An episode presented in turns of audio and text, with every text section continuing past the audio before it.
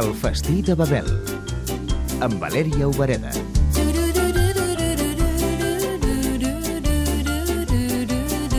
La gastronomia francesa però és molt variada. Clar, s'ha de pensar que el país, l'hexàgono, és molt gran. Caterin Planes va néixer al sud de França, a Perpinyà, la capital de la Catalunya Nord, i fa 21 anys que és a Catalunya. A sobre que la gastronomia és un dels temes que interessa molt, molt als francesos. Clar, els ingredients poden ser tan diferents al nord al sud que a vegades no, no té res que veure una cosa amb l'altra.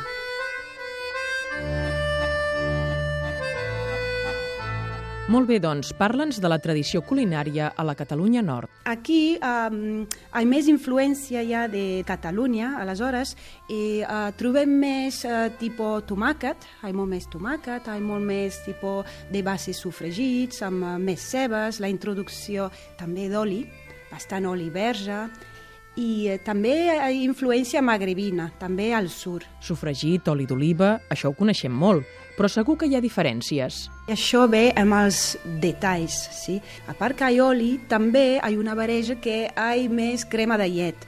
És, hi ha molt més caloria, també.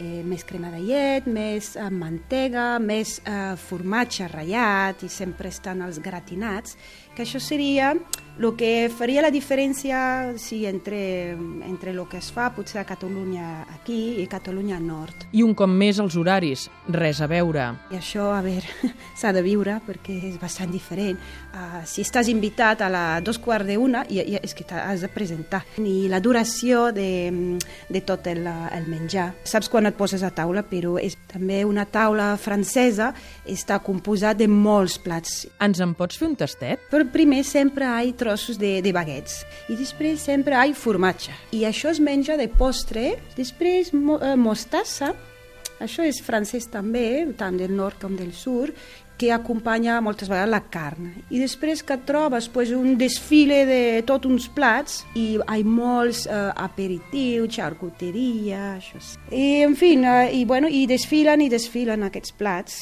Quan arribes al final et puc dir que, que, que ja han passat moltes hores. I tot això sempre acompanyat de bon vi. Això del vi també és tota una religió que ha d'anar molt bé amb la gastronomia. Això sí que que també molta gent lo tenen com molt estudiat. També penseu que en el Rosselló hi ha vins locals molt bons. El menú. La Caterina ens proposa un costum francès. Que es diu l'apéro. I això és una tradició que la gent invita a famílies o amics a passar o al migdia o a la tarda per fer un aperitiu. Per exemple, passes cap a les 12 i a les 12 i mitja ja estàs fora. I això a vegades pots eh, invitar algú a un aperitiu però no necessàriament al menjar. I això és molt pràctic. Tu passes, fas una cervesa, un pastís o un quir i bueno, pues es fa un aperitiu amb una mica de patates o d'olives i després ja saps.